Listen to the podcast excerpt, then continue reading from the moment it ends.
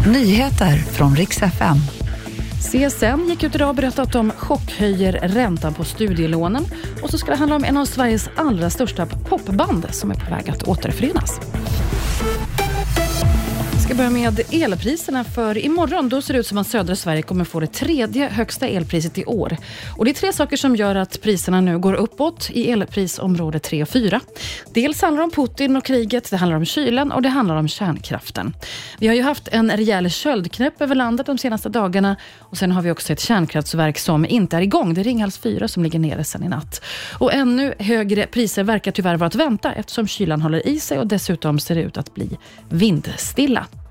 CSN de chockhöjer samtidigt räntan på studielånen. Nästa år så dubblas räntan, meddelar de. Från 0,59 så landar det nu på 1,23.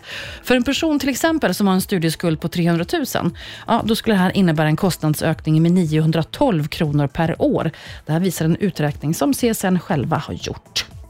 Och så skvallrar med ett av Sveriges allra största popband som är på väg att återförenas. Det är Cardigans som nu meddelar att i sommar då återförenas bandet och dyker upp på South Ocean Festival i Malmö.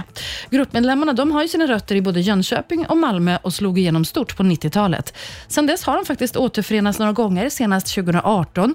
Då hade de några spelningar i Storbritannien och så valdes de in i Swedish Hall of Fame och det var 2017.